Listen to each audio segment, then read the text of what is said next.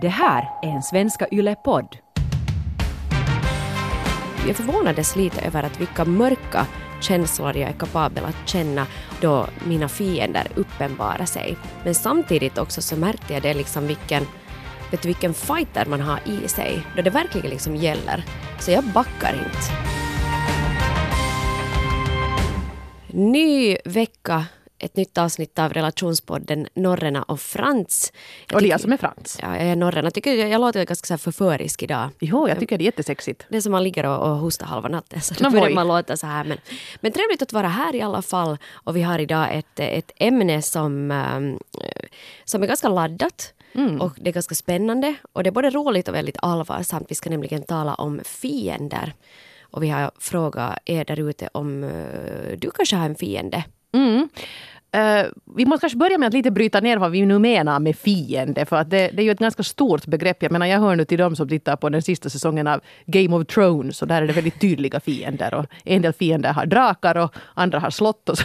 Ja, jag menar kanske inte att man behöver, det behöver vara en fiende som man vill duellera med i, i gryningen. Nej. Det behöver inte vara fullt så, fullt så drastiskt nödvändigtvis. Men jag kommer att tänka på en, en det här tecknad serie som jag läste för några år sedan och som av någon anledning har fastnat. Den här Cecilia Torud, den här svenska serietecknaren som gjorde serien om ensamma mamman.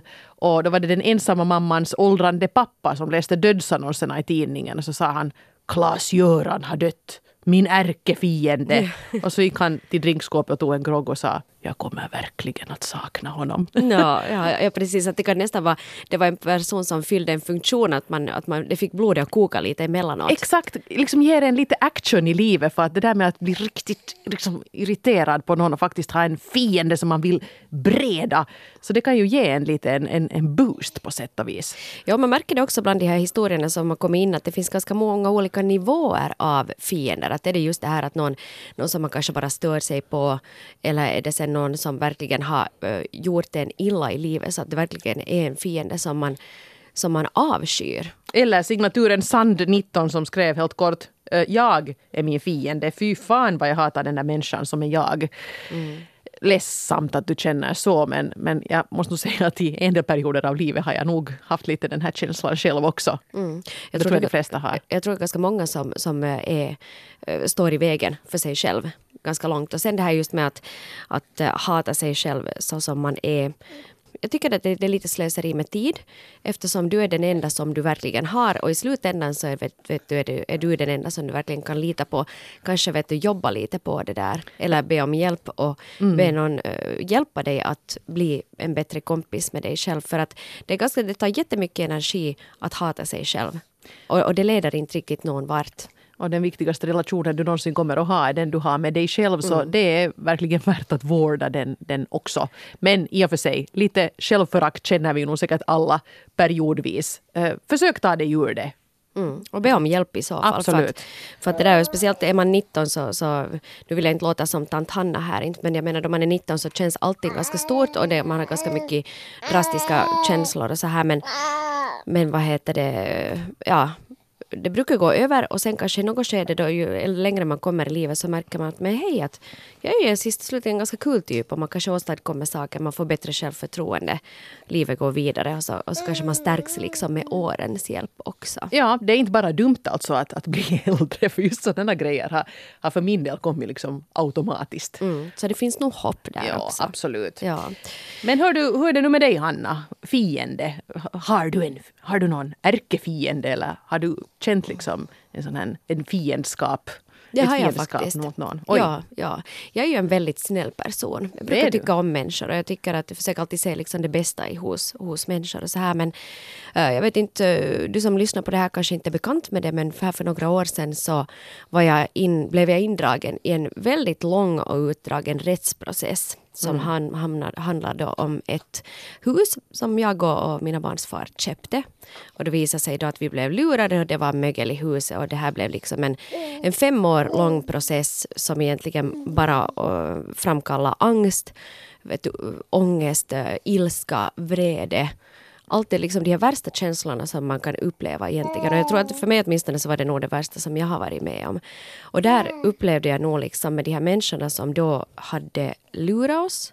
Där kände jag faktiskt nog liksom ett hat. Och jag kände också att de här är nu mina fiender och jag kommer inte att ge mig och jag kommer liksom att slåss vet du, till det bittra slutet för att skipa rättvisa. Och nu så där for the record, var och en kan ju googla det här caset om, om de så vill. Uh, om man söker på Hanna Norna och Hometalo så kommer man säkert att, att hitta all information som man möjligtvis vill ha. Men liksom, det slutar ju bra för vår del. Vi, vi vann sist och slutligen uh, det här fallet efter två rättsprocesser så, så på det sättet har rättvisa skipats. Men under den här perioden så så jag förvånades lite över att vilka mörka känslor jag är kapabel att känna och hur jag kan bete mig då uh, mina fiender uppenbarar sig. Mm. Jag kommer ihåg till exempel, men nu har du med dig Oskar som en, en liten baby. Jag kommer ihåg att just att min pojke, han var nyfödd då vi hamnade och flyttade ut ur det här huset. Och, Bebisar och mögel, det är, det är inte alls någon kiva Det är inte bra. Nej. Det är inte bra. Jag kommer ihåg en gång en händelse då vi, vi stod där i huset, där var några gubbar som skulle utreda då att vad är nu det, vad är nu problemet och så här. Och då kommer liksom en av de här husförsäljarna objuden in dit i huset. Och då kände jag mig som på något vis så attackerad. Vet du, jag stod där med min nya baby i ett hus som var obeboeligt, ekonomiskt liksom kraschad. Och då kommer jag ihåg att jag tappade helt totalt. Att jag brukar ändå försöka vet du, bete mig, men jag kommer ihåg att jag bara liksom vrålade till den där människan. Vet. Nu ska jag inte upprepa alla svordomar jag sa, men jag kallade henne i princip för en jävla kärring. Uh, och, och sen ungefär 53 svordomar på det vet du, ett sånt där ursinnesvrål. Så jag bara så efteråt, varifrån kom det där? Att, att, vad heter det, att jag var inte liksom kapabel att vara ens hövlig. Och samma kommer jag ihåg också senare då vi var i rättegången. Så jag brukar tycka att fast du inte gillar någon så kan du alltid vara vänlig mot dem. Men då att jag klarar inte ens av att titta på de här människorna vet du, i ögonen. Mm. Och, och, och, det är egentligen helt okej. Min, min svägerska hon är rättsjurist och hon sa att nå vet du att då, folk är, då det går så långt så att man är i rätten och grälar om någonting att ei siellä jengi kauheasti eller enää. Nej. Att man behöver inte heller vara det är inte speciellt... en cocktailbjudning. Det är inte en cocktailbjudning att du är där för att gräla om mycket pengar och du behöver utomstående hjälp. Så, så där, så att, äh, men, men det måste jag säga att jag har fortfarande också, jag har tänkt på det där, jag har inte sett de här människorna sen äh, den här då avslutades, den här uh, hovrättsprocessen. Men fortfarande tänker jag att om jag skulle se dem så känner jag, nu har de ju gjort rätt för sig, de förlorade och de har betalat för det, allting är okej och det är uppklarat mm, mm. Och, och rätten, rättvisa har skipats. Men fortfarande känner jag ett väldigt stort agg mot människor som kan vara som så hänsynslösa. Men det, jag tror det där är så din reaktion var ju nog liksom på, nästan ska jag säga den enda naturliga för att det hotar ju liksom hela din existens för att de flesta av oss, jag menar de enda gångerna man har riktigt stora pengar ute och far är ju när man köper en bostad. Mm. Eh, I proportion till vad man då eh, har ha förtjänat förstås. Men det är då man på riktigt, liksom, det lite hisnar när man ser hurdana belopp som åker hit och dit och hurdana lån man tar och sånt här. Och det där påverkar en hela livet igenom. Och när liksom era pengar då blev liksom i limbo, att mm. hur skulle det nu bli med det här? Så nu förstår jag, speciellt med två små barn, att det liksom kändes eländigt. Mm. Och, och sen ännu det här, att du stod där med din bebis. Det var ju liksom antagligen någon sorts liksom försvarsmekanism som fick dig att, ja. att bröla att nu kommer, nu kommer draken. Ja. Jag måste rädda barnet. jag tror att det var någonting sånt. Och sen är det det att jag menar sånt här händer. Människor gör ju misstag och vet du, man hör om de här historierna mer eller mindre varje vecka. Men, eh, men där var det kanske just det att då, då vi blev liksom uttryckligen verkligen lurade. Att de medvetet lurar oss. De ville er illa. Ja, så då, då liksom att jag kan ha förståelse för att misstag sker om man hittar fel i hus och sånt här. Det, sånt händer. Mm. Då kan man reda upp det. Men att då du medvetet liksom, då någon medvetet bedrar dig så då, då, då, då, då får man fiender. Och en sak kan jag också äh, konstatera efter hela den här att det var många gånger som jag trodde att jag skulle bryta ihop det helt totalt och det gjorde jag också i något skede. Men samtidigt också så märkte jag det liksom vilken vet du vilken fighter man har i sig. Mm, då, man mm. verkligen, då det verkligen liksom gäller. Så jag backar inte.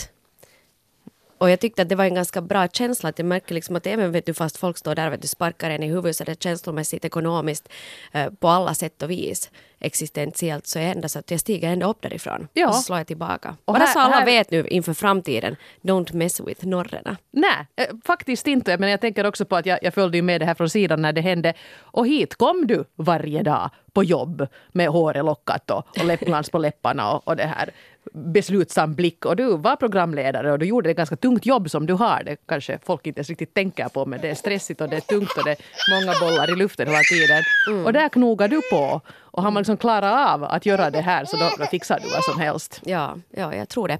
Och det tycker jag att det är bra, någonting som man kan lära sig av svåra saker. Att sen när du kommer igenom dem, det låter ju lite som en kliché men, men då märker du lite att att vad du är, sådär, vad du är gjord av. Så är det. Ja. Men där var, det var liksom min fiende-story. Jag vet hur det känns när man verkligen har en fiende som man hamnar och, och kämpar mot. De skulle jag nog ha duellerat i gryningen. Lätt. Vilken dag som helst. Bring it on går dit med en handske och flats. Nåja. Eh, jag tyckte det var lite intressant här. Signaturen Mia, 28, eh, skrev så här. Jag hoppas verkligen att jag har fiender. Om jag inte har en enda betyder det att jag inte har utmärkt mig tillräckligt. Jag tror att alla som är duktiga och ens har lite framgång också får fiender. Det är en regel och jag blir bara smickrad om jag märker att någon tittar snett på mig. Ganska ah. kaxig attityd. Men det, kan, det ska man ha när man är 28. Jag no, gillar jo, jo. den där. Eller varför inte 58 också tycker jag man kan ha den där attityden.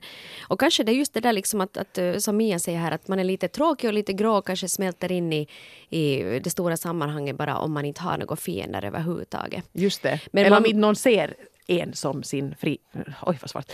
Om ingen ser mig som sin fiende så är jag lite tråkig. Ja. ja. Men sen, sen så tror jag nog också att det är bra att um, inte, inte liksom be a bitch heller vet du, för att skaffa sig fiender. För att uh, det kan ju också hända att, att mitt eget beteende gör att folk hatar mig om jag beter mig illa mot andra så gillar ju inte folk mig. Nej, och det där är ju också, man ska ju kanske lite, nu pratar jag kanske mer sådär jobbmässigt och sådär, man ska ju kanske vårda sina fienderelationer också. Det är ju den där klassikern att keep your friends close and your enemies closer. Mm. Att man liksom ska, man ska ju inte liksom släppa loss dem och, och liksom bara försöka undvika sina fiender utan det är faktiskt bättre att ha koll på dem. Ja, ja. Har, har de så att de är lite rädda för dig ja. ändå. så håller de sig i, i skinnet. Men hörde jag, jag faktiskt, eh, jag brukar alltid snöa in mig på att läsa på Psychology Today här när vi ska tackla nya ämnen här i podden och där hade det gjorts någon sån här enorm undersökning i USA någonstans. Jag skulle nu kolla upp eh, var det var om jag skulle ha två händer men det har jag inte för jag har bebis i famnen. Men i alla fall, jag får citera det här lite hipp som happ. Eh, det här gällde eh, fiender av lite större slag än så här bitchen på jobbet. Det här gällde vet du, typ så här al-Qaida eller IS eller någonting sånt här. Men det man hade kommit fram till i den här undersökningen i alla fall var att en fiende är ganska bra för psyket. För en fiende är väldigt tydlig. Om du tänker att det händer hemska saker i världen och det kan hända lite vad som helst här i livet. Det kan bli en naturkatastrof, det kan komma en tsunami och svepa iväg en, ett, en hel ö. Eh, men vi kan inte göra någonting åt det och det gör en sån här otrygghet, skapar en otrygghetskänsla. Medan däremot man kan tänka sig att okej, okay, vi kan, vi kan skjuta Osama bin Laden om vi hittar honom. Mm. vi kan liksom kriga mot al-Qaida. Och en sån här gemensam fiende då, så kan faktiskt ge liksom en ökad känsla av trygghet att det här går att kontrollera ändå på något sätt. Man kan med en strategi motverka det. Och då är det mindre nojigt än att gå omkring och tänka att hemska saker, här kommer det en komet. Liksom mm. på det här sättet. Och jag tyckte det här var intressant för jag tror att det här kan man kanske lite också anpassa på sådana här mindre fiender, sådana som man har i, i vardagen. Att det är ganska skönt att på något sätt rikta den där aggressionen väldigt tydligt mot någonting eller någon. någon. Lite som du gjorde under den här processen förstås. Mm. Att jag menar, det hände säkert mycket annat jobbigt i ditt liv då också men ändå kunde liksom den aggressionen vara så tydlig att det är de där jävlarna som har lurat oss med huset. Mm. Det är de jag är arg på. Ja. Och jag, tror, jag tror nog det, det, är helt bra och som du sa att, att eh, det ger en känsla av kontroll fast du kanske inte riktigt kan kontrollera det men du kan alltid göra någonting åt det. Att det är inte just så att åh kometen ja, som precis. i Astrid Lindgren vet ja. du vet aldrig när den kommer eller, eller något annat. Att, att det, och jag tror också att, att det liksom sätter igång en på något vis. Och, jag tror att kanske det är bra just att det får, liksom, får igång ens hjärna. Vad kan jag göra åt det här? Att nu måste jag ha en plan och jag ska, vet du, att man gör upp en strategi och så, och så blir det handling och så får man någon typ av resultat istället för att man bara sitter hemma liksom och, och oroar sig för någonting odefinierbart. Jag skulle säga att jag personligen, jag kommer nu inte på någon, någon som skulle vara liksom uttryckligen min fiende. Men nu har jag ju liksom haft så här vet du, mera rivaler och konkurrenter och sånt här. Och det ger ju nog en också lite en sån här skjuts på något sätt. Att man vet att jag vill ha det här jobbet inte bara för att jag vill ha det utan för att jag vill att hen inte ska få det. Ja, just det. Ja, men det där är ju ganska mänskligt, men det är inte kanske så många som skulle erkänna det. Men jag tror att det, det är ganska många som tänker så. Ja, och då kanske man inte alla säger att "Öh, nu måste jag liksom faktiskt kick ass på den här arbetsintervjun för annars kommer sen hen och, och briljerar. Ja, precis. Oj, nu, nu, nu, så nu visar jag upp mina sanna färger och Ja. nu blev barnen ledsen. Vi tar en, vi tar en gråtpaus. Ja, nu har vi gråtit färdigt för stunden i alla fall. Och ska vi gå vidare här med hej, den här Missunnsam 37 som har skrivit till oss. Jag kände mig nämligen lite, lite smått eh, träffad av det här. Jag vet inte om jag kan kalla mina plågoandar från lågstadiet mina fiender, men jag gläds nog helhjärtat då jag ser eller hör att det går dåligt för dem. Jag skulle knappast göra någonting för att medvetet skada dem, men om karma gör det, ja, då tar jag fram popcornen och njuter av showen. Kanske är de mina fiender nu när jag läser vad jag skriver, men efter allt de gjort åt mig kanske det får vara så då. Skriver signaturen Missunnsam 37. Men du konstaterar en, Hanna att, att du är en snäll person. Men jag måste fråga dig att hur långsint är du? jag är inte så jättelångsint faktiskt. Jag kan vara väldigt liksom arg i stunden men det går ganska snabbt över. Alla mina känslor går ganska snabbt över sen. Men förstås att om någon verkligen har äh, sårat mig så riktigt i grunden så jag glömmer ju inte. Men jag går inte omkring och tänker på det liksom desto mera. Mm. Nej, no, no, det kanske jag inte heller gör, men jag skulle nog säga att jag är extremt långsint. Och det här, jag kan nog sådär liksom förlåta och gå vidare och sådär, men till exempel nu sådana här, no, jag har inte varit sådär supermobbad som liten, men eh, det fanns det sådana lite elaka flickor som jag kom i kontakt med som liksom var lite syrliga och lite sådär, alltid hade lite någonting, liksom alltid stod där med, med en liten liten imaginär kniv som de var redo att sticka i sidan på en när man minst anade. Och eh, när jag kommer i kontakt med dem i vuxen ålder så inser jag att de är säkert jättetrevliga och har liksom utvecklats förstås, det har vi väl alla gjort. Men jag skulle aldrig kunna lita på dem helt och hållet. Om vi till exempel skulle bli kollegor. Nej, skulle inte ändå riktigt, riktigt gå. Fast det här var liksom då ni var barn. Det här var alltså Och nu är de typ slutet av 80-talet. Ja, men tänk, tänker inte du där på något vis då att, att de kan ha utvecklats och, och många brukar säga, vi har någon talat just om, om mobbning och så här att, att många också inser i vuxen ålder sen att hej det där vad jag gjorde var ju helt fel och kanske till och med bett om ursäkt av sina mobbningsoffer. Jag Att tror, kan att, man, jag tror att är du en gemen människa så visar det sig redan när du är ganska liten. Ja, och jag tror inte att de ränderna någonsin riktigt går ut. Om du liksom inte har det i dig att här kommer den här spärren att kanske jag ska välja nu att inte vara elak utan du är ändå sådär ja, Mm. Mm. ja, lite sådär smy, i smyg. Ja, ja no, jag vet inte. Kanske man ska tänka att de små barnen kan ju inte rå för det och att det är föräldrarna som har, liksom hur de har uppfostrats som har, har skapat det här. Men nej, jag tror är man elak så är man det från början till slut. Det kan nog hända det att det är liksom en del av ens personlighet. Och kanske det här är lite samma också som, som den här Missunnsam 37 skriver. Att så nu, jag läser mellan raderna att det handlar om, om mobbning i lågstadiet. Om man nu talar om plågoandar från lågstadiet så antar jag att det är någonting sånt som det här handlar om. Och eh, då, då måste jag säga att jag, jag förstår nog det här att man kanske lite, eh, att man är skadeglad. Jag tycker nästan att man får vara det också. Vet du, att om någon verkligen har mobbat dig och plågat dig, så varför ska du vara helhjärtat glad sen när det går bra för dem? Jag, jag skulle nog snarare göra lite samma sak där också, ta fram popcornen om jag märker till exempel att vet du, där var den där, fast den här vet du, populära tjejen som alltid plågar då är det då Missunnsam 37 eller dig Eva eller mig eller någon annan. Att sen när man märker det sen att, att du har, har vet du, gått upp 50 kilo i vikt och blivit frånskilda eller gått i konkurs eller någonting annat så kanske man ändå, det låter hemskt att säga men man kanske ändå tycker att det, det är liksom rättvist. Jag tror alla känner så där men det är hemskt få som säger det. Ja, man får liksom, man njuter lite i smyg. så. Ja, man det kanske man inte vältrar sig i det, men man är la, så att, ja, ser du, ser du, så där blev det sen. Ja. Ja, så kan det gå. Ja. Ja, Ja, men det, jag tror nog att man får, får liksom njuta av lite av det där. Kanske det är så att, att om, om inte annat så får man själv ett sån här mentalt övertag över dem. Det betyder också att man har kommit över den där mobbningen på ett sätt. Vet du, att om du kan, kan liksom, äh, om du kan känna att du inte är mer i underläge så, så plågas du kanske inte heller av det på samma sätt. Jag tror det var flera som vittnade lite om det här när vi hade ett avsnitt om, om klassträffar, minns du? Att då var det nog flera som hade sett det som sin revansch att sen gå in dit och se att, att här var jag hackkycklingen och nu kommer jag tillbaka här som en svan medan ni nu, ni nu då kvackar på där ännu. I, i den som härliga medelmåttor. Ja, no jo. Ja. Och det är inget fel på det heller. Och det är inget fel på att gå upp 50 kilo. Man får bli som man blir. Men man ska inte vara elak. Det är sant. Snäll, snäll är alltid bra. Mm, så är det. Eh, Nyskild 33 har också skrivit till oss eh, och skriver så här. Mina fiender är min före detta mans mamma och bror. Det började redan för 11 år sedan när jag träffade min exman. Allt som jag gjorde, allt jag sa eller tänkte var fel enligt dem. Jag kämpade tappert i ett par år, men när jag och min man fick barn tillsammans, då satte jag ner foten. Och det var då vi blev fiender. Båda två började prata illa om mig med min man, med mina vänner och släktingar. De försökte på alla sätt visa att jag inte förtjänar att vara gift med deras son, bror. Idag är jag frånskild. Jag och min före detta man är goda vänner för barnens skull och har en fin kontakt. Och det tycker naturligtvis inte hans släkt om.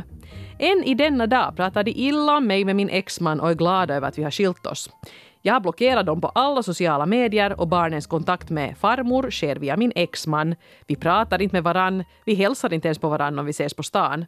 Det finns ingen försoning med dem i min framtid. Jag mår bra utan dem i mitt liv. Jag njuter av livet som singelmamma och står på egna ben. Men herregud. Ja. Alltså på riktigt, varför har folk så fel i huvudet? Vet du, emellan, på riktigt liksom, vad är det här? Alltså, jag kan helt bra förstå det att kanske att din, din, ditt barn eller din, ditt syskon eller din kompis har en partner som du inte gillar. Men i något skede så måste du acceptera det. Det är ju den personens val och sen så gillar du läget och så är du åtminstone hövlig. Precis. Vem håller på på det här sättet? Det låter ju som mobbning, utfrysning liksom inom familjen, inom släkten. Det är helt vansinnigt. Jag menar, man behöver inte bli, man behöver inte älska sådana nya släktingar bli bästis och bundis för evigt men man måste hitta någon nivå där man åtminstone beter sig. Och man går inte och baktalar folk helt, helt huisigt dåligt beteende.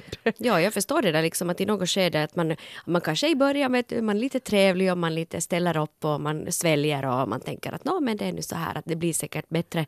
Men sen just att som hon skriver här också att sen då de fick barn så satte hon ner foten att i något skede måste man ju också sluta ta skit och i något skede måste man liksom säga ifrån och tydligen så var den här nyskild 33 hade inte rätt att göra det enligt den här familjen. Kanske den här familjen den här plågoansfamiljen är en sån här lite eh, familj som anser sig vara bättre än alla andra familjer. Och, ingen, och ingen egentligen kan vara god nog åt eh, de små guldgrynen som har kommit ur den familjen. Det verkar Konstigt. lite så. Men samtidigt verkar ju den här exmannen ändå vettig. Ja. Eftersom han då har hanterat... Nåja, ja, i och för sig. Lite mesig han är Lite mesig. Det är ju egentligen han som borde ha satt foten ner och inte, inte nyskild 33. Men i alla fall, det är ju bra att de har kunnat ha, skapa en, en, en god relation så här som, som frånskilda.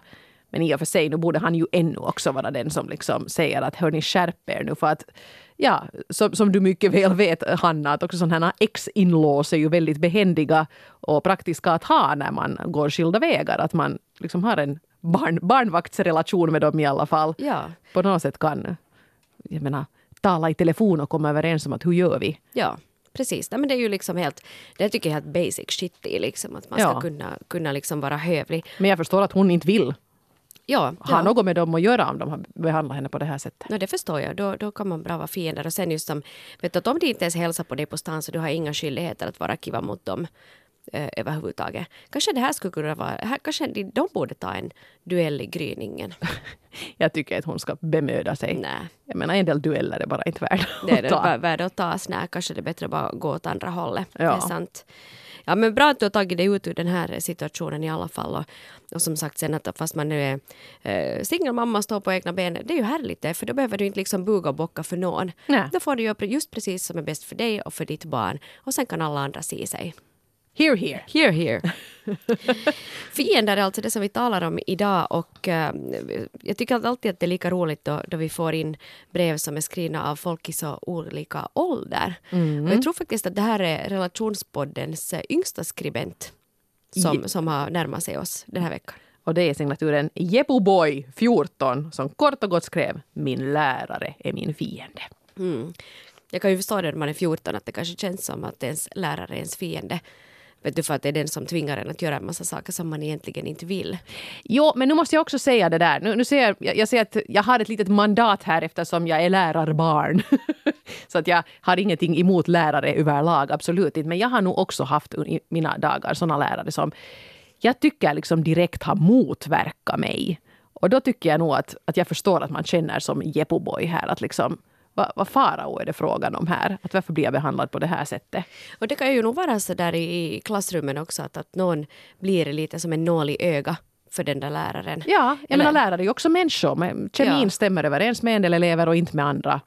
Men man Mm. borde ju då förstås som en god pedagog försöka släta över det och inte låta det märkas. Ja, jag har en, en god väninna till mig vars son är just en sån här nagel i öga. Det heter nagel i öga inte nål i öga. Nagel- Nag- ja. Nagel i öga på den här läraren. Och Ingen där- där är ju kiva men... Nej, ingen där är att rekommendera. Men liksom där är det också att, att den, här, den här pojken då, så det, det är ingen skillnad vad han gör så Mm. kommer det en anmärkning i Vilma eller det kommer någon kritik eller att allting, eller allt vad han gör är dåligt. Just sånt där. Och jag kan ju inte tro att allting vad han gör är dåligt. Att Där kanske det kan bli att nu nu Jepoboy 14 kanske är en sån här som läraren alltid hackar på. Att men du och du och du och du och du. Så nu förstår jag då kanske att det kan kännas som att läraren är ens största fiende, någon som man hamnar och bekämpar varje dag. Men jag hade i tiderna en lärare som, som, ja, inte var han nu kanske riktigt min fiende, men jag tyckte faktiskt inte om honom. Och han gjorde sånt här som att när vi hade haft prov, och så var man nu tio år gammal och hade nu inte riktigt vetat svaret på den här frågan och skrivit något lite ditåt och så blev det kanske någonting lite dumt. Så då brukar han ju då, dels delar han ju ut proverna då i, i ordningsföljd, att vem hade liksom, var det nu från sämst till bäst? Nej, Ja. opedagogiskt. Ja, sådär, så man precis skulle veta. Man kunde liksom inte sådär diskret bara sätta provet i väskan och vara så att oho. Nej, han läste det också högt när någon hade skrivit något riktigt tassigt. Och så, så att alla skulle få skratta. På riktigt. Och jag minns en gång också, jag hade frågan vad är, det, ser du det här, är- att jag är långsint, det här kommer jag ihåg. Frågan i biologiprovet var, vad är snittblommor? Och jag skrev, jag var lite poetiskt lagd och tyckte om komplicerade grammatiska strukturer, så jag skrev blommor vars skälkar har skurits av. Men är det nu inte kind of Ja, rätt? ja. Nej, så det rätt svar var blommor man har i vas. Så jag fick noll poäng. Och han läste upp det här för klassen och alla skrattade. Jag tror inte att- de hade riktigt förstod varför de skrattade. Ja. De tänkte väl säkert också att men är det nu inte då? Ja. Nåja, i och för sig en helt lösryckt anekdot. Det kom ju ibland lite roliga grejer via det där att han läste upp vad folk hade skrivit också. Till exempel religionsprovet. Var föddes Jesus? Rätt svar på frågan var ju förstås då Jesus föddes i Davids stad. För det hade stått så i boken. Men de små Helsingforsbarnen hade ju så bra koll så det var en som skrev Jesus föddes i Jakobs stad. David Jakob. Ja, det- Same, same. så det var ju lite roligt faktiskt. Ja. Men ändå nedrigt av honom. Så Jeppo boy, styrka till dig, Ja. stå på dig. Kämpa på. Ja. Hej, tusen tack eh, än en gång för alla berättelser som ni har skickat in. Uh, fortsätt att skriva in till oss. Vi blir alltid lika glada då ni skickar in. Många av er skriver mejl direkt till oss på relationspodden.yle.fi. Det kan vara kommentarer på någonting vi har diskuterat tidigare eller kanske någon fråga eller, eller idéer. Det är ju jättebra. Jo, vi blir extra glada över idéer när ni har tankar om vad vi skulle kunna ta upp här i podden. Vi, vi har mycket idéer själva, men i något skede blir det ju lite tomt i huvudet också för oss. Ja. Ganska- ofta. Men ja, tacksamt tar vi emot förslag på ämnen som vi skulle kunna ta upp. Så relationspodden at yle.fi. Tack för idag. Ha en riktigt fortsatt härlig vecka och vi hörs igen om ja, en vecka. Hej då! vänner och fiender. Ha det fint.